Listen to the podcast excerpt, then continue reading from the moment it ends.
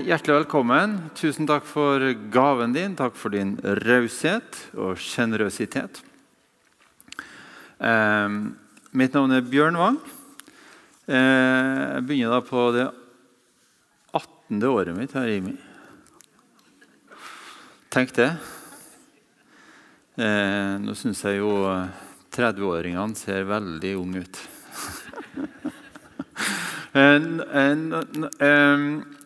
jeg er leder for HLT her i Stavanger. Det er Høgskolen for ledelse og teologi. Eh, vi starter vårt andre skoleår. Eh, vi hadde et pang-år første år. Eh, så midt i korona og alt så hadde vi 30 studenter. Nå ligger vi litt under det til høsten, men vi håper å få noen flere studenter før skolestart. Så hvis du lurer på hva du skal gjøre til høsten, så er det bare å ta kontakt. Eh, og nå kommer jo eh, troen av det ordet en hører. Og det du hører, det er hlt.no skråstrek Stavanger. ja. Skal vi be? Ja. Jesus, nå ber vi at uh, viktige ting må feste seg her. Eh, Nei. Jeg skal slutte å tøyse. Eh, Jesus, jeg takker at du er her. Takk at eh, du hører på oss. Takk at du er nær hos alle dem som kaller på deg. Og Vi ber Jesus at du møter oss der vi er, ikke der vi burde være, ikke der vi kanskje ønska vi var, men der vi er. Og ber for ditt ord, Jesus, at det, at det skal få prege oss. At det skal prege både troa talen vår og, og livet vårt. Og så ber jeg at du kommer og skaper tro. Jeg ber i ditt navn. Amen. Eh, det er jo sånn ønsketema her i eh, sommer. Det, så jeg var på nippet til å legge ut på Facebook eh, før, eh, eh, tidligere i uka her. Eh, hva vil dere jeg skal tale om? Men så tenkte jeg kanskje at det kom til å sprike i veldig mange retninger. Så jeg tenkte jeg, jeg velger sjøl. Eh, og det jeg har valgt, det, er 'Hvem drepte Jesus, og hvordan skal jeg forholde meg til det?' Eh, og eh, Litt av grunnen til det, det er at eh, Jesus har en tendens til å møte meg på steder jeg ikke venter. Eh, jeg er jo sånn at jeg, jeg kan interessere meg for hva som helst. Når som helst. Så av en eller annen merkelig grunn så begynte jeg å interessere meg for norsk utvandringshistorie eh, på 1800-tallet. Og, og leste masse greier om det. Eh, en sånn fun fact av, av de åtte, det var ca. 800 000 som reist, nordmenn som reiste til USA. På et tidspunkt så var de pengene de sendte hjem til Norge, altså utvandrerne, like mye som hele norske statsbudsjett. Eh, det er jo litt å tenke på. Ja. Eh, men eh, i tillegg til facts da, så kom jeg over en romanserie av en predikantsønn som heter Edvard Hoem hvor han forteller om deler av sin egen slekt som reiste over eh, og dyrka ny jord på prærien. Og Selv om han dikter situasjoner og dialoger, men, men historiske fakta er, er ivaretatt, da, eh, så har han på en eller annen måte makta å skildre episoder der som jeg kjenner meg igjen. Eh, og eh, hvor folk altså Det må jo være besteforeldre, oldeforeldre og gammelonkler osv. gir livet sitt til Jesus. Og så kjenner jeg meg igjen i det. Og så blir jeg grepet av det, og så sitter jeg på terrassen og griner. For jeg blir så, jeg blir så tatt av en roman. Og Jeg sitter i bilen og kjører for meg sjøl og hører på lovsang, og så bare, bare begynner jeg å grine. Og så er jeg liksom helt inn i kjernen av hva det vil si å være et Guds barn og tro på Jesus. Og Det har jeg lyst til å si litt om i kveld. Um, jeg lurte på hva som skjedde med meg sjøl. Så jeg går liksom og slenger og er emosjonell og lurer på trenger jeg ferie nå. Det var i vår, da. Eller er det alderen? Jeg har forresten, forresten blitt 49 år i sommer. Og 49 år, det er ingen alder. Det er bare et tall. Det er ingenting. Det er et venterom. De sier at enhver alder har sin sjarm. Men 49 er, det minst sjarmerende jeg har, hittil har opplevd. Ja, så fikk jeg sagt det. Ja. Og jeg fant ikke ut hva det var. Men det var godt å kjenne at Jesus betyr noe for meg. Og at det, og at det ikke bare er et logisk eller kognitivt forhold til Jesus. Hans død og hans oppstandelse. For sånn var det jo for meg eh, rundt 20-årsalderen pluss-minus. Da var det viktig for meg å liksom tenke gjennom dette med apologetikk og trosforsvar. og om, vi kan, om, Bibelen er pålitelig og troverdig, om vi kan stole på dette. Og det var en sånn nyttig ryddeprosess. Jeg var oppi her da. Ja, eh, Få rydda noen steiner av veien. Gi gode grunner for å tro osv. Og Når vi møter motstand mot kristen tro, enten fra media, eller fra venner eller fra oss sjøl, så kan det være greit å ha de godt i rundene. da. Og så finnes det masse folk som har jobba med de spørsmålene. Og i alle de årene som har gått etter Jesus døde og sto opp, så de, de, fleste tankene rundt det er tenkt. da. Så, så det, det, det fins svar på de spørsmålene vi lurer på. Og gode, gode, svar. Hvis vi virkelig vil lytte og lære, så er det svar. Og Vi trenger ikke å lete lenge. Men ofte skjønner du, ofte så er de steinene vi har i veien, de er ikke bare av sånn logisk art. Det har med følelsen å gjøre. Det er følelsesmessig motstand mot å gi oss til Jesus. Og Vi kan gjerne forkle. Vi lager en sånn forkledning der liksom vi argumenterer litt sånn logisk. Men så er det egentlig noe inni her som sier nei. Det var ikke uten grunn at Jesus sa at vi måtte bli som barn for å komme i Guds rike. Et lite barn har ingen stolthet og har heller ingen blygsel når det gjelder å ta imot. Vi voksne, derimot, må gi opp nå for å ta imot Jesus. Det er noe vi må legge fra oss. Vi er som en kamel som skal gjennom et nåløye. Og En av de puklene da, tror jeg er stoltheten. Stoltheten om at jeg fikser livet, jeg er da ingen synder, i hvert fall ikke verre enn de andre, osv. Og at Jesus har dødd for vår synd og sona vår straff, blir noe vi ikke evner å ta imot fordi vi ikke erkjenner behovet. Vi vil kanskje ha en hjelper, en støtte, en trøst, en krykke eller lignende. Men han som det eneste fundamentet i livet Vet ikke helt. For å ta imot nåden, det å gå lavt. Det er en som har sagt at nåden er som vann. En finner laveste punktet. Men det er ikke godt da, å ha en frelser som vet hvordan det ser ut på bunnen. Hvordan vi ser ut på bunnen. En annen pukkel eh, eller motstand mot å ta imot Jesus som frelser og herre i livet, det at vi kanskje innerst inne vet at det medfører en endra livsstil. Det er noe som blir nytt. Å bli frelst er nemlig ikke bare en målstrek, det er også en startstrek. Det er en startstrek på et liv i etterfølgelse av Jesus. Og Da er Jesu liv modellen, om du vil. Det å ikle seg det nye mennesket daglig. Og Det innebærer raushet, godhet, sjenerøsitet. Sett de andre først. Det innebærer å tilgi den som ikke fortjener å bli tilgitt la være å ta igjen med samme mynt, f.eks. Det innebærer nye prioriteringer og et kall til å tjene med de nådegavene vi har fått. Og Flere ting kunne ha blitt nevnt. Men jeg tror en del ser på disse kostnadene, om vi kan kalle det som store.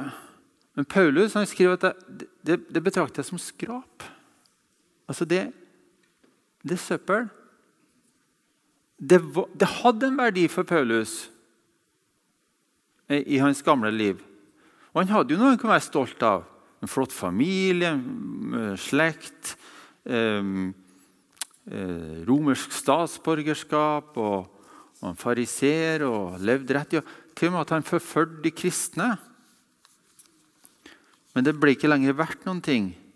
For at når han møtte Jesus, så ble, så ble det forandra. Og Det er kanskje det som ligger i det at vi blir omvendt. At ting flytter litt på rekkefølgen, hva som er viktig. Og sett i det lyset Eller når alt kommer til alt, så er jo det Jesus ber å si opp ting som ikke er så eh, bra for oss. Og Sett i det lyset så er ikke kostnadene så store. Når vi i tillegg tar med alle de velsignelsene vi får, så blir det et enkelt regnestykke. Men det var kanskje ikke regnestykket det handla om. Men vi kan nevne altså evig liv, fred med Gud, tilgivelse og god samvittighet, en ny mening, hensikt og retning med livet. Og Jeg sier ikke at alt blir enkelt, for det blir det ikke. I verden har dere trengsel sier Jesus. Og Bibelen er heldigvis befriende ærlig. Både prøvelser, fristelser, kamp, motgang, sykdom og død. Men i alt dette vinner vi mer enn seier. For det er noe i dette kristenlivet, i dette å være et Guds barn, og i dette forholdet til Jesus som ikke kan måles, veies, verdsettes eller forhandles om. Det er for stort. Vi er arvinger. Vi er Guds arvinger, Kristi medarvinger. Og I de gangene jeg tror jeg ser et glimt av Guds ærlighet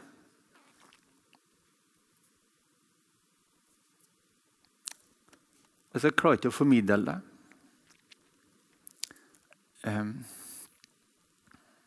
Men for at vi skulle få del i Guds herlighet, så måtte Jesus gi avkall på sin og dø på et kors.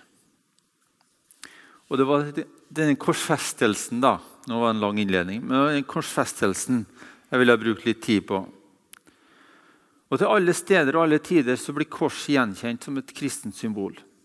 Vi går ikke rundt med en elektrisk stol i, i gullsmykket. Vi går rundt med et kors. Eh, Jesus døde på korset. Og Det er en konkret handling i tid og rom. Og Vi ser at evangeliet det handler jo ikke først og fremst om at Gud er glad i oss. Jo, det er det òg. Men det er så mye mer. Det handler om hva Jesus har gjort for oss. Eh, og Han har dødd på korset for oss. Men hvem var det som korsfesta han? Og Vi skal se på the usual suspects. da. Eller nærmere bestemt fem aktuelle kandidater. Er dere med? Vink hvis dere er med. Veldig bra. Veldig bra. Det er blodomløp. Ja, det er bra. Eh, den første første opplagte kandidaten er selvfølgelig romerne. Det ser vi jo hver gang vi sier trosbekjennelsen, at eh, han ble korsfestet av Pontius Pilatus. Og Pontius Pilatus var romer. Han var en romersk eh, leder eh, da, i, i der. Korsfestelse var jo ingen jødisk skikk. Det var jo ikke noe jødene drev med. Um, og eh, Romerne brukte korsfestelse som det mest ydmykende og ærekrenkende henrettelsesmetoden. Det var slaver, forrædere og opprørere fra de laveste samfunnslag som ble korsfesta. Eh, men Pilatus kunne jo hindra det. Og i avhøret, Jeg har og lest mellom avhørene altså i alle fire evangeliene. Altså, Han finner ingen skyld hos denne mannen. Han finner ingen skyld hos Jesus. Og Han vil egentlig sette den fri. Men i Lukas 15, 15 står det at han ville gjøre folkemengden tilfreds. Er ikke den fristelsen vi har, vi òg, da? Skal vi gjøre det som er rett, eller skal vi gjøre det som folk liker? Sant?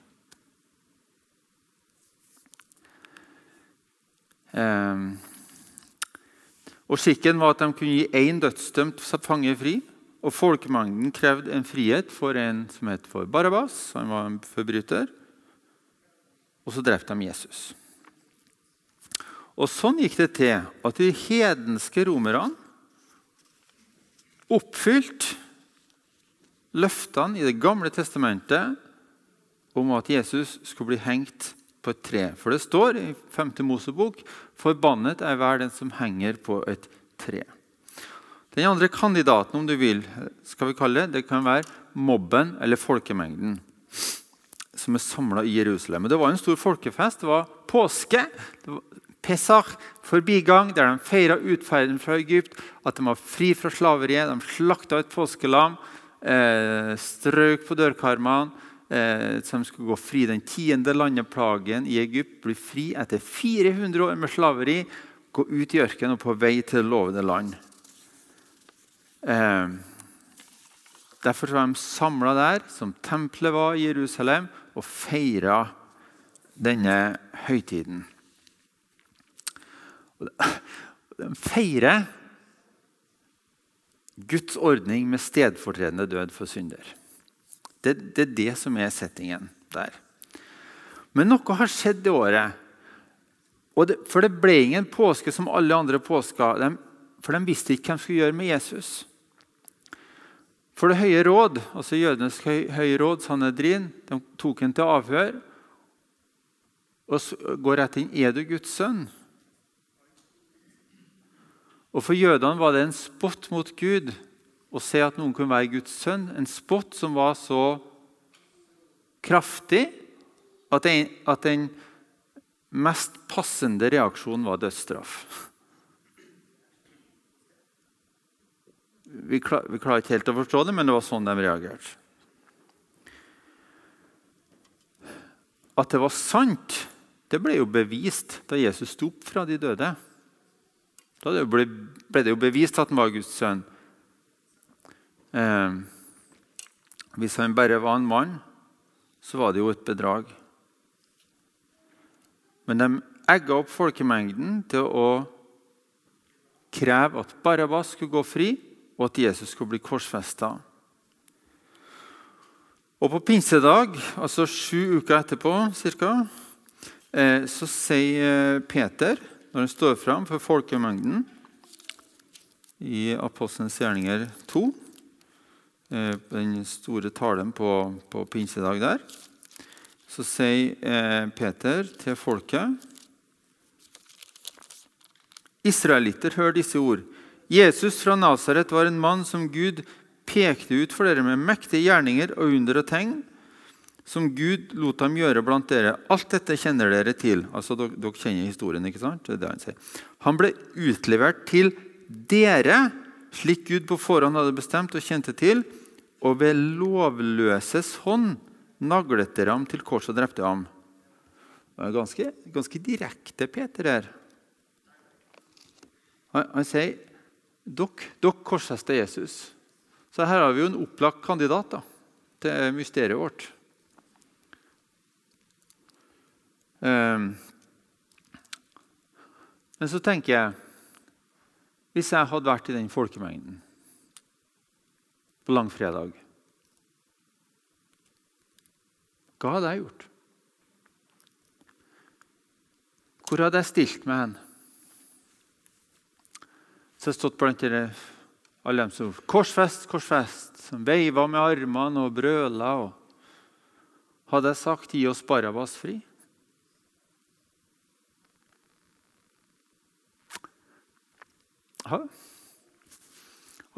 Hadde jeg vært blant Det står at de, det står at de spytta på Jesus. De lå han med stokker og sa nå kan du være profet. Hadde, hadde jeg gjort det?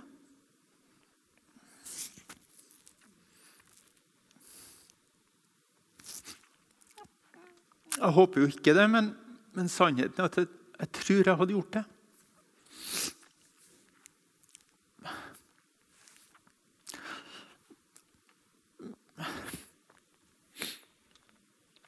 Til og med disiplene stakk av. En ble, en ble til og med forræder. Én av tolv. Jeg snakker ikke om at jeg har vært en disippel, men hvis jeg har vært i folkemengden, hva hadde jeg gjort?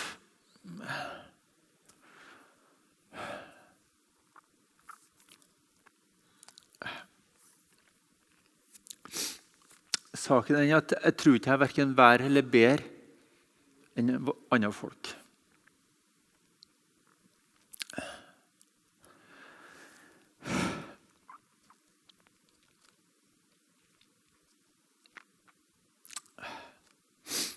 Hvor har du vært? Nå vel. Den ubarmhjertige sannheten er vi heldigvis skånt for, for vi sitter her i en god stol.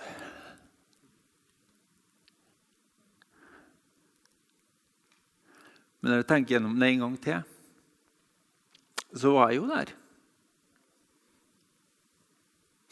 Jeg sto jo i den folkemengden. Jeg sto jo med knyttneven og krevde at Jesus skulle korsfestes.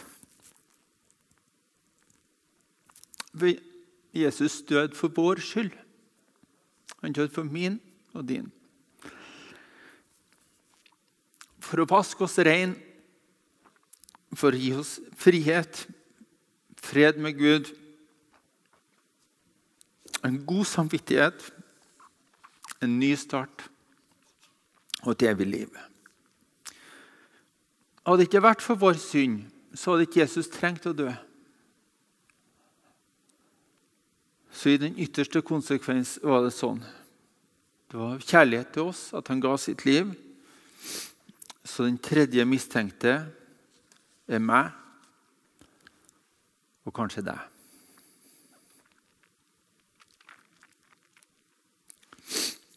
Den fjerde kandidaten jeg har, om vi skal kalle det det, da, var at ingen tok livet av Jesus. Han ga det sjøl som et frivillig offer. Og Særlig i Johannesevangeliet så er jo det et sentralt motiv. Når vi snakker om den gode hyrde som gir sitt liv for sauene Unnskyld så sier han, 'Far elsker meg' Johannes 10, 17. 'Far elsker meg fordi jeg gir livet mitt for siden å ta det tilbake.' Så sier han, 'Ingen tar mitt liv. Jeg gir det frivillig.' For jeg har makt til å gi det, og makt til å ta det tilbake igjen. Dette oppdraget har jeg fått av min far. Jesus gikk frivillig. Han sa jo til Pilatus at eh, den makten du har, er noen som har gitt deg. Ingen har større kjærlighet enn den som gir sitt liv for sine venner. Og det er jo den enorme gaven som er vanskelig å ta imot. da. Vi forstår det jo ikke sjøl. Det må bli åpenbart til oss av Den hellige ånd. Vi forstår like lite som de jødiske og romerske lederne som vi nettopp hørte om. Og Paulus sier en ting til om det i Apostelens gjerninger 13. Det står det «Eh, For verken de som bor i Jerusalem, eller lederne deres forsto hvem han var, altså Jesus. De dømte ham og oppfylte dermed profetordene som blir lest opp hver sabbat. De kunne ikke finne noe grunnlag for dødsdom, men likevel ba de Pilatus om å henrette ham. Og da de hadde fullført alt som står skrevet om ham, tok de ham ned fra treet og la ham i en grav, men Gud reiste ham opp fra de døde. Og Nå står vi framfor det, det som er da, et komplett mysterium og, og eh, gåte og en paradoks. Det at, nemlig at Gud sjøl står bak korsfestelsen. I Johannes 3, 16 står det at Jesus ga sin sønn. Og i profetiene i Det gamle testamentet som peker fram mot Jesus, så handler det ofte om det med offer og soneoffer. Jeg skal lese noen vers og håper dere ikke gjesper for høyt. eh, ser dere? Nei da. Beklager. Eh, jeg er invitert på kaffe etterpå. Men eh, i Jesaja Isaiah 53 så står det eh, Sannelig, våre sykdommer tok han, våre smerter bar han. Vi tenkte han er rammet, slått av Gud og plaget. Men han ble såret for våre lovbrudd, knust for våre synder. Straffen lå på ham, så vi fikk fred, og ved hans sår ble vi alle helbredet. Vi gikk oss alle vill som sauer, hver tok sin egen vei. Men skylden som vi alle hadde, lot Herren ramme ham. Så stedfortredende. Og hoppe litt til vers 9.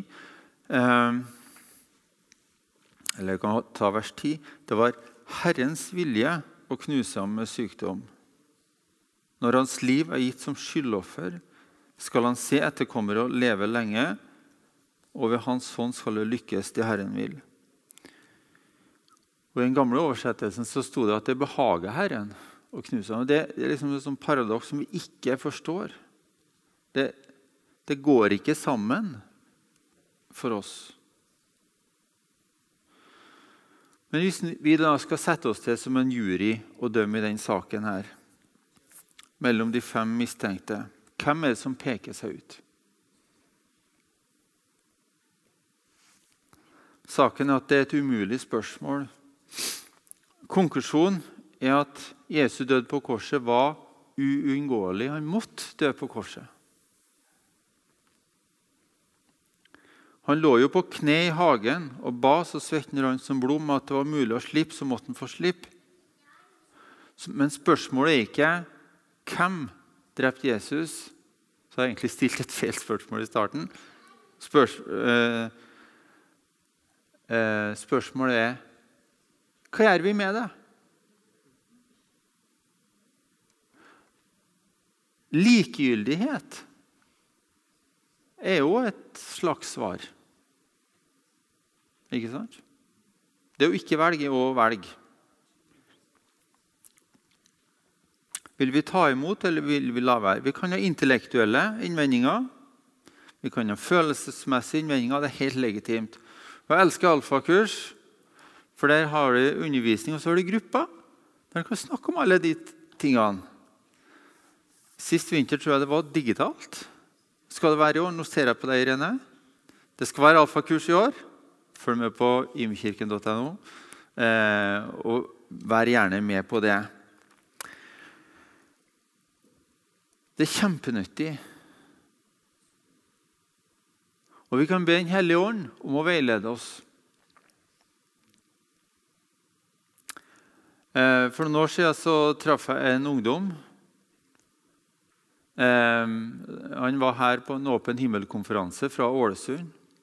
Han var blitt frelst siste året på ungdomsskolen. Han har googla eller skrevet inn på YouTube 'hvordan bli frelst'. Og så var det en som hadde leda han til tro gjennom en film. Det er ikke vanskelig, skjønner du. Det er tilgjengelig. Eh, og Jeg er klar over at mange av dere kaller dere Guds barn. Men jeg hadde lyst til faktisk å gi utfordringen til å si ja til Jesus. Um,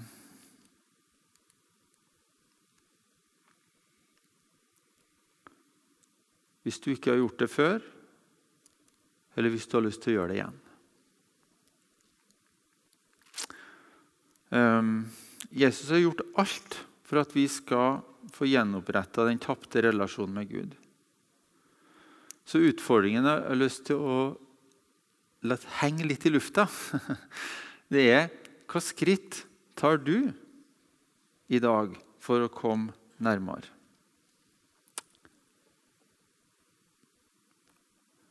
Jeg har lyst til at vi skal be en bønn. Og eh, eh, Du kan gjenta etter meg hvis du vil. Eh, Paulus sier at hvis du i ditt hjerte tror at Gud reiste Jesus opp fra døde, og med din bunn bekjenner at han er Herre, så skal du bli frelst. Og Det er noe med den kraften i å si det ut. Så eh, kan ikke vi alle sammen gjøre det? Kan ikke vi alle sammen be? Og så, så eh, Er dere med på det? Jesus, jeg takker deg at du døde på korset for mine synder. Jeg takker deg for at du døde på korset for mine synder. Takk for din uendelige kjærlighet til meg. Jeg tror på deg. Jeg tar imot din tilgivelse. og gir mitt liv til deg. Kom inn i mitt hjerte og bli der for alltid. Fyll meg med Din Hellige Ånd og led meg dag for dag. Amen.